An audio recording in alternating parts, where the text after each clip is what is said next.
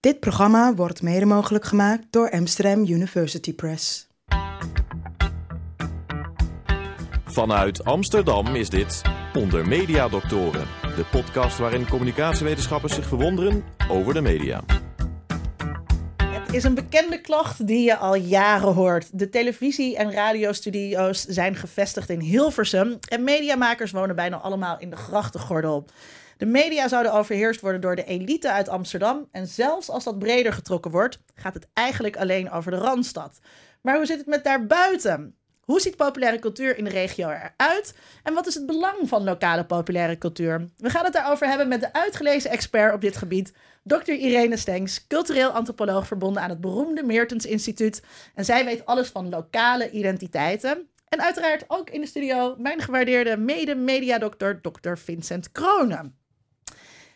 We gaan het dus hebben over populaire cultuur, heel breed. En dat omvat meer dan alleen maar media. Uh, Irene, populaire cultuur, wat betekent dat voor jou? Nou, het is zeker uh, breder dan alleen media. Ik bedoel, populaire cultuur zijn media. Hè? Je zou kunnen zeggen dat wat mensen interessant vinden, belangrijk. Dat gaat over eten, inderdaad. Muziek denken de meeste mensen aan, maar ook uh, allerlei bijeenkomsten, tijdschriften uitgeven. En dat zijn tegelijkertijd zijn dat ook media. Dus je zou kunnen zeggen, het een valt niet uit het ander te trekken. Dat is hm. mijn opvatting. Ja, het valt niet uit elkaar te trekken. Um, we gaan het ook hebben over de regio. Waar ligt die eigenlijk, Vincent? Nou ja, dat, dat, de regio, woorden als regio of provincie. We hebben nogal de neiging om te zeggen dat wat dan de stad, of de, in ieder geval de randstad. En eh, misschien ook wel Amsterdam als grootstedelijke arrogantie. Dat alles wat daarbuiten valt, hè, de Medina en daarbuiten, dat we dat regio of provincie of wat dan ook noemen. Dus laten we maar even voor de definitie uitgaan dat het in ieder geval iets is dat buiten de randstad ligt. En dan ben jij gespecialiseerd in lokale identiteiten. Wat, ja, wat, wat zijn dat en waarom moeten we die nou bestuderen? Nou, kijk, lokale identiteit, dat is wel even belangrijk om dat te benadrukken. Heb je natuurlijk ook in de stad, want dat is ook een lokaliteit. Dus eigenlijk zijn er overal plekken. Kijk, waar mensen wonen, voelen mensen zich verbonden met een bepaalde plek. Door uh, ja, bepaalde manieren van leven of hun omgeving of dat ze doen of wat dan ook. Dus de lokale identiteit is overal te vinden. Maar dan heb je nog een specifieke categorie van ehm, eh, identiteit, als je het zo wil ehm, benoemen. Van mensen die zeggen van ja, dit is eigenlijk een plattelandsidentiteit. Of dit is nou specifiek van onze streek. Streek, ook een belangrijk woord in dit verband. en dan krijg je dus een dimensie in waarbij die lokaliteit, uh, als het ware, op één lijn wordt gezet met platteland of de regio. Je huidige onderzoek uh, gaat onder andere over André Rieu. Uh, hij maakt klassieke muziek. Misschien niet iets wat mensen direct uh, associëren met de regio. Hij is bovendien een van de best verdienende artiesten wereldwijd. Ik las dat hij meer geboekt wordt dan Bruce Springsteen. Waarom is hij dan voor jou als onderzoeker van lokale identiteit toch interessant? Nou, omdat ehm, nou, André Rieu is wat dat betreft super interessant, zou ik zelfs willen zeggen. Want enerzijds is André Rieu uh, iemand die dus heel duidelijk uh, uh, van Maastricht komt. En op een bepaalde manier ook een Limburgse identiteit met zich meedraagt. En ook uitdraagt, vooral ook in zijn concerten, de Vrijthofconcerten die daar in Maastricht plaatsvinden. Maar tegelijkertijd is het dus iemand die helemaal mondiaal is gegaan. En wat hem nou zo interessant maakt voor een onderzoeker zoals ik, is dat een heel groot gedeelte van die ehm, opposities die gaan dan bijvoorbeeld spelerschap binnen het nationale niveau, snap je? En André Rieu weet op een bepaalde manier dat nationale niveau, hè, de Randstad, zullen we zeggen, het Westen helemaal naar zich neer te leggen en op weg te zetten als een soort van irrelevante dimensie. Dus in die hiërarchieën die daarbij een rol spelen, heeft André Rieu heeft daar echt wel een, een stapje gemaakt, zou ik willen zeggen. Wat voor mensen, onder wat voor mensen is André Rieu nou populair? Nou, dat kan ik dan eigenlijk alleen maar zeggen uh, voor de concerten waar ik geweest ben. En dat is in Maastricht. En ik ben in Boekarest geweest. Dat was dan toch weer een beetje anders. Maar in, uh, je ziet heel duidelijk dat in uh, Maastricht, daar komen veel mensen toch wel op leeftijd. De zogenaamde plussers, zou je kunnen zeggen. Weliswaar is het zo dat die dvd's heel goed ge, geëdit zijn. En dan zie je ook heel veel fruitige jonge mensen en leuke meisjes en aantrekkelijke heren en zo verschijnen. Maar gemiddeld is het toch wel zo dat het een ouder publiek is. 60 plus zou ik willen zeggen. Heel veel echtparen, heel veel groepen vrouwen ook. En uh, ja, daar, die, daarvan is een deel, uh, heeft zich daar echt enorm op uh, verheugd. Maar er zijn ook heel veel mannen die ook op een bepaalde manier heel erg in andere religieus zitten. En dat is werkelijk ook zo. Van het ene moment op het andere zagen ze wat fantastische figuur was, al, eh, dat het was die André Rieu. Wat een fantastische muziek. En hoe hij eigenlijk al goed omgaat met zijn mensen. Ze kunnen misschien hebben dan een heel andere invulling dan dat romantische. Maar dat mensen, mannen en vrouwen, helemaal in André Rieu kunnen zitten, dat is uh, duidelijk in elk geval. Als we het over zingen in dialect hebben, Mhm. dan gaat het eigenlijk nooit over zingen in plat Amsterdams. Hoe zit dat? Nou, ja, dan heet het, ja, dat is op zich interessant. Dan heet het plotseling geen dialect meer. Dat is een, eh, inderdaad, en dat zou je kunnen zeggen, dat is ook een, hi- een, een bepaalde hiërarchie hè, eh, die eh, bestaat in het denken over wat is een taal en wat is een dialect. Dus dat ben ik met je eens. Maar bijvoorbeeld, eh, laten we zeggen, eh Johnny Jordaan of André Hazes of zo, die dan eh, een Amsterdamse accent heet dat dan, hè, plotseling hebben. Dat, eh, Tongval. tongval, ja. Ja, ja, dus het, inderdaad, je zou kunnen zeggen, het hele woord dialect zit eigenlijk vast aan, eh, aan het platteland of aan de regio. Ja, Iets benoemen als dialect is dus eigenlijk al een soort po- politieke handeling. ja zou ik wel zeggen, ja. Ja, sowieso, want ehm, een dialect is een taal. En eh, ja, het is een beroemde uitspraak een, ehm, dat een eh, taal een dialect is met een leger. Hè? Zoiets, zo- zo'n soort van uitspraak. Dus dat, daar gaat het over eigenlijk. En bijvoorbeeld de Maastrichtenaren, we hebben het wel weer over de stad dan trouwens.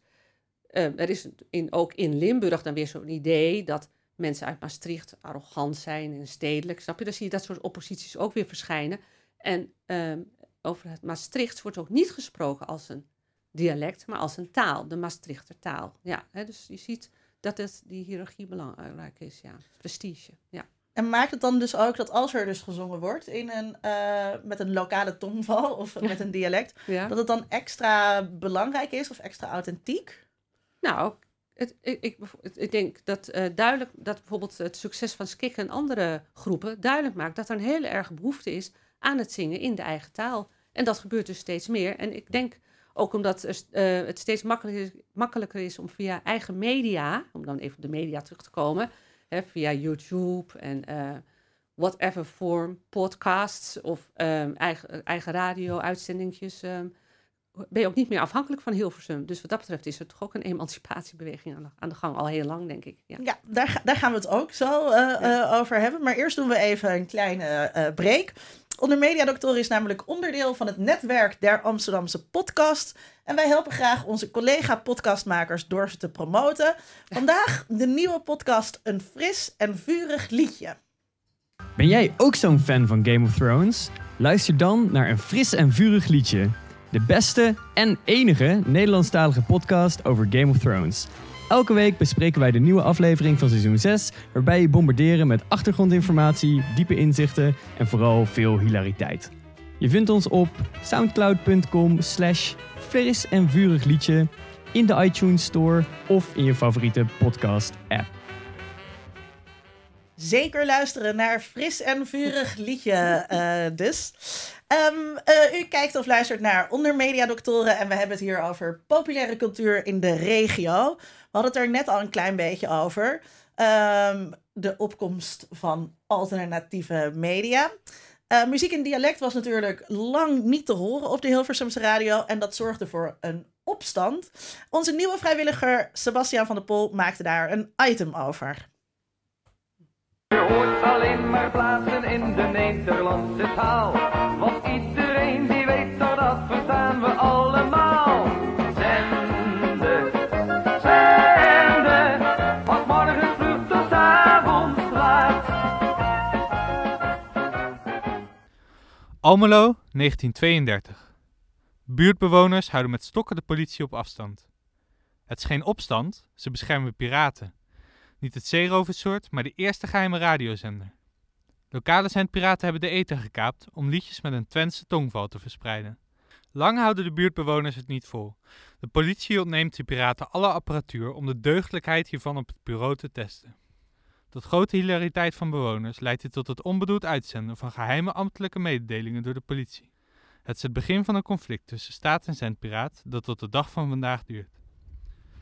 Echt populair worden de geheime zenders pas in de jaren 80 en 90. Regionale zendpiraten gaan dan de strijd aan met Hilversum. Zendpiraten richten zich met lokale advertenties en jingles in dialect rechtstreeks tot de luisteraar. Ze draaien niet de bekende hits, maar besteden aandacht aan de smartlap, het levenslied en de polka.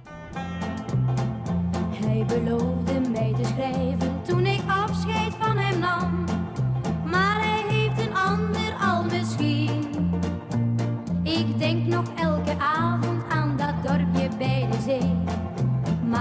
zal die visser nooit meer zien.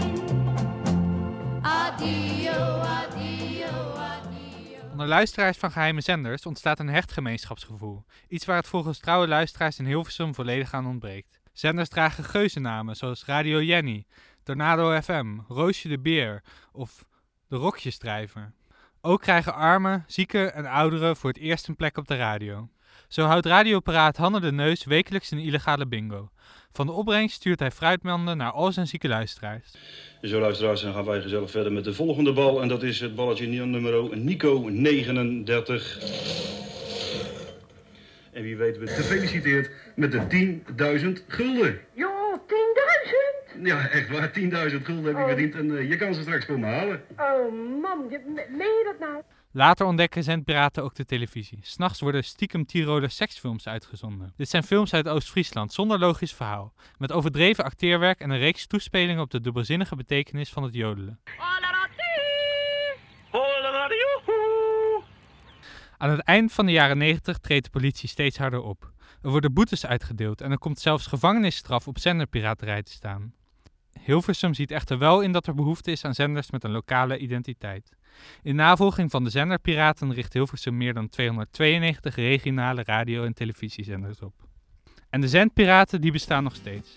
Nog dit jaar werden controleurs in Goos met kettingen opgesloten. Dit om de ontmanteling van het piratenstation Los te voorkomen.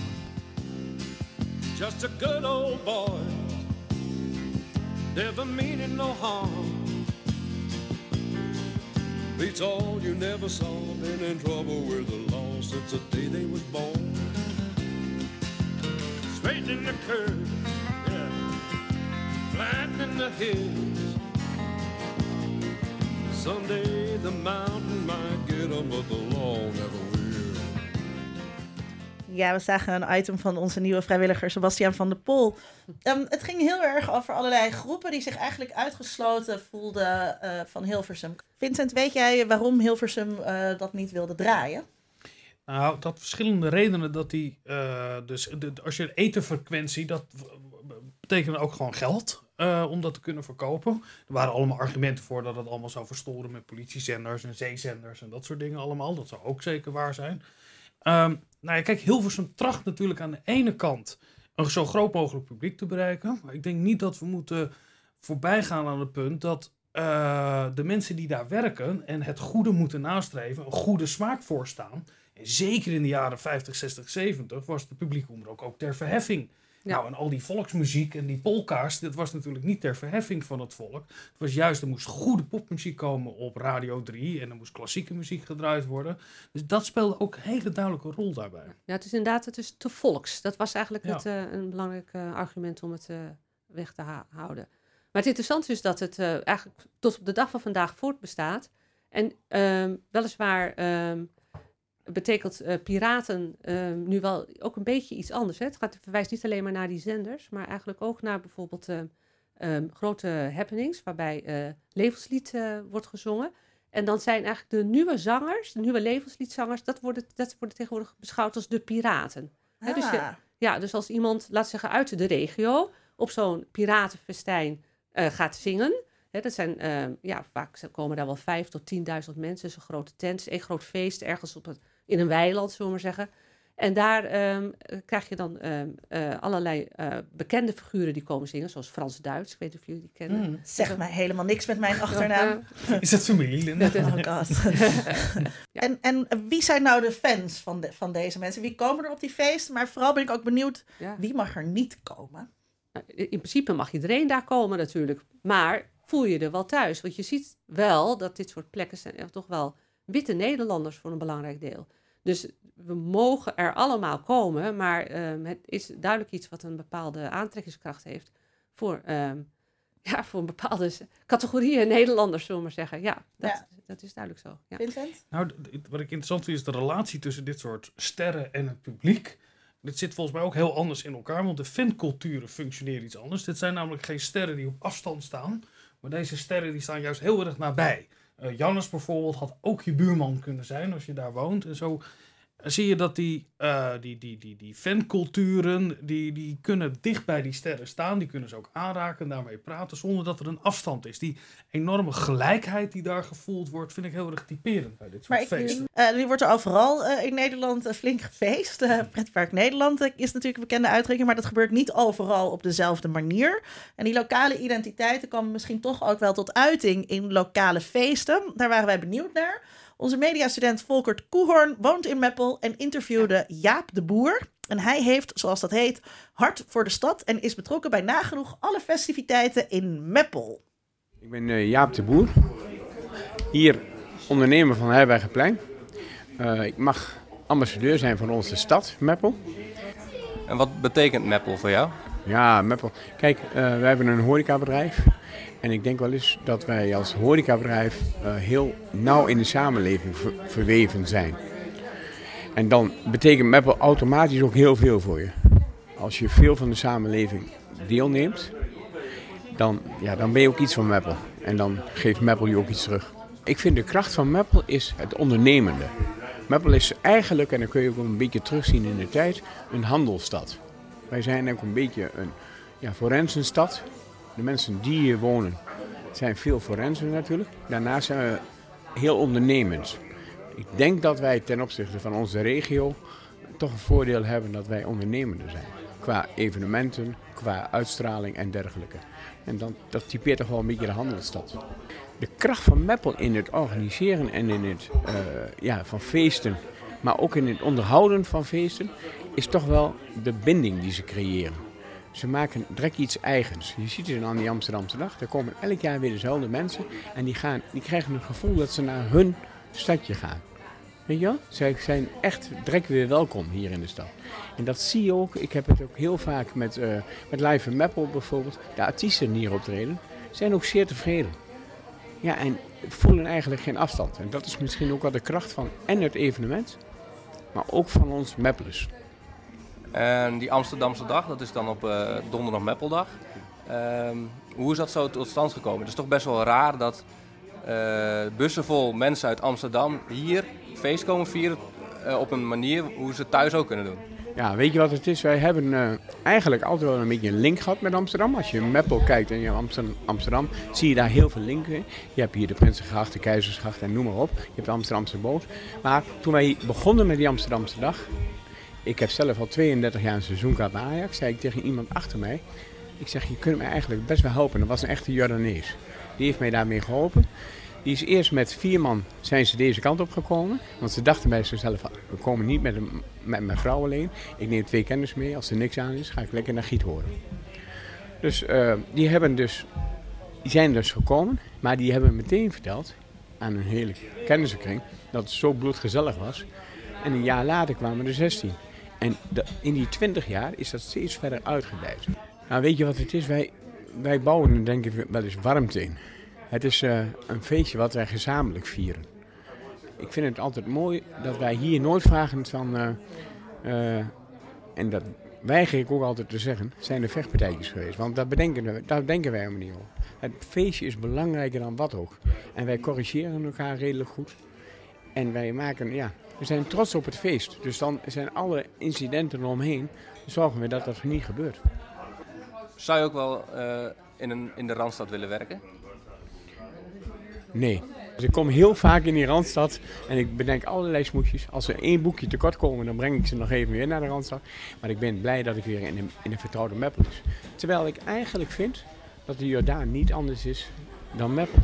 Want de Jordaan is een kleine gemeenschap in Amsterdam. En dat doen ze precies hetzelfde als bij ons. Wat, eh, wat denk je ervan, Irene? Het is, een, eh, ik vind, eh, eh, ik- het is eigenlijk wel typerend, vind ik, voor hoe weinig onderscheidend eigenlijk dan de facto dit soort van praktijken zijn. Het gaat dus eigenlijk aan wat mensen eraan toekennen. Ja, het Want- idee. Want ja. die regio, of die lokale identiteit, die is dus eigenlijk best wel eh, verschuifbaar. Wat je ook net zei bij André Rieu. Hè, dat, dat is allemaal niet zo heel duidelijk afgebakend. Mensen Nee, helemaal zich- niet. Nee. kunnen zich dat makkelijk toe-eigenen, terwijl het toch een heel sterk eigen gevoel op, op, oproept. Nou ja, in elk geval zet deze meneer dat neer. Kijk, het punt is, we weten natuurlijk ook niet precies wie er nou allemaal komen. Komen daar nu... Hij, hij, hij, hij eh, maakt ook een verbinding met de Jordaan. Dat is natuurlijk ook weer zo'n romantisering van een bepaalde plek in Amsterdam... die op niet meer bestaat, zou je kunnen zeggen. En die ook nooit bestaan heeft, maar altijd wel in de, eh, in de verbeelding van eh, elite en anderen... over de eenvoudige Jordanees. Dat is echt zo'n romantiek, eh, romantisch beeld. Nou, zo wordt er ook wel gedacht over, denk ik, misschien over het platteland, ook die romantiek. Nou goed, Meppel is eigenlijk ook weer een stadje. Ja, je zou kunnen zeggen, als je dit zo hoort, is het heel weinig onderscheidend. Dus ja, wat kunnen we erover zeggen? Ja. Dus je moet eigenlijk niet naar de inhoud kijken, maar eigenlijk meer naar die, de afbaking die gemaakt wordt, of de grenzen. Daar die, ik weet eigenlijk niet precies wat ik daar nou over moet zeggen, over de grenzen die hier getrokken worden. Eigenlijk gaat het gewoon over Nederland. Ja, dus een, dus een constructie eigenlijk van een soort mythische lokale identiteit. Nou ja, het gaat over ondernemerschap. Ondernemen, inderdaad, ja, nee, absoluut, Dat, eh, ja. Deze meneer is een goede ondernemer en die brengt waar mensen zich, eh, wat, zich thuis voelen en wat ze leuk vinden, wat ze associëren met plezier. Nou, dan kan je dat net zo goed. De, hè, een paar zangers uit de Jordaan halen. Dan komen ook nog Amsterdammers. Je weet precies welk repertoire je hebt, hoe het moet eruit zien. Daar hoef je niet heel lang over na te denken. Eh, en, en, en dat typeert hij ook als typisch voor Meppel en zijn eigen ondernemerschap daarin. Ja, wij komen aan het einde van de uitzending en dan proberen we altijd een soort van conclusie te formuleren, een korte conclusie te formuleren. Ehm, we hebben verschillende vormen van populaire cultuur in de regio besproken. Kunnen we kort iets zeggen over wat nou het belang is van die lokale populaire cultuur? Eh, ik geef Vincent eerst het woord en dan mag Irene het laatste woord. Kijk, het belang is natuurlijk dat voor iedereen is cultuur van belang. Dus ook als je niet in Amsterdam woont en of waar dan ook, is dat heel erg van belang. Maar als je iets dieper kijkt, valt me wel op dat er heel veel voorbeelden in zitten.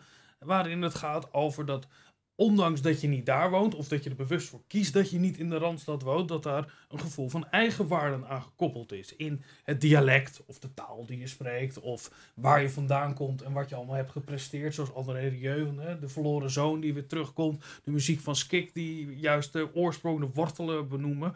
Dat het altijd gaat over die, die, die lokale identiteit die moet bezongen worden en gevierd worden. Maar daarin lijkt het misschien helemaal niet zo heel erg, eh, is het niet zo'n enorm verschil met een stedelijke cultuur. Alleen de afkomst is een andere.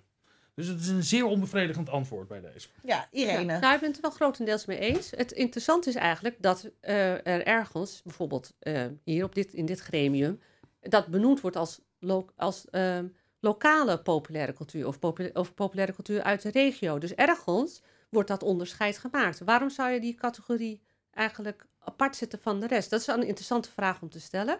En voor onderzoekers is het vooral belangrijk om te zien van wie willen mensen zich onderscheiden en wanneer en waarom. Want dan zie je dus iets wat, eh, ja, dan leer je dus eigenlijk meer over wat mensen belangrijk vinden. En ja, ehm, eh, hoe mensen bijvoorbeeld ehm, zichzelf zien in de wereld. Ik denk dat dat daarom belangrijk is om te onderzoeken. Dat vind ik een prachtig antwoord. U keek of luisterde naar Onder Media. U kunt zich op onze podcast abonneren via iTunes of Soundcloud. Of u kunt op YouTube recente uitzendingen nakijken. Alle informatie vindt u op ondermediadoktoren.nl. Ik bedank onze vrijwilligers Volkert, Iris, Rosanne, Marloes, Sebastiaan. Hartelijk dank ook aan Vincent en vooral aan onze gast Irene Stenks. Over twee weken zijn we er weer en dan gaat het over diversiteit in de media. Heel graag, tot dan. Onder Mediadoktoren is een podcast van Vincent Kronen en Linda Duits. Meer informatie vindt u op ondermediadoktoren.nl.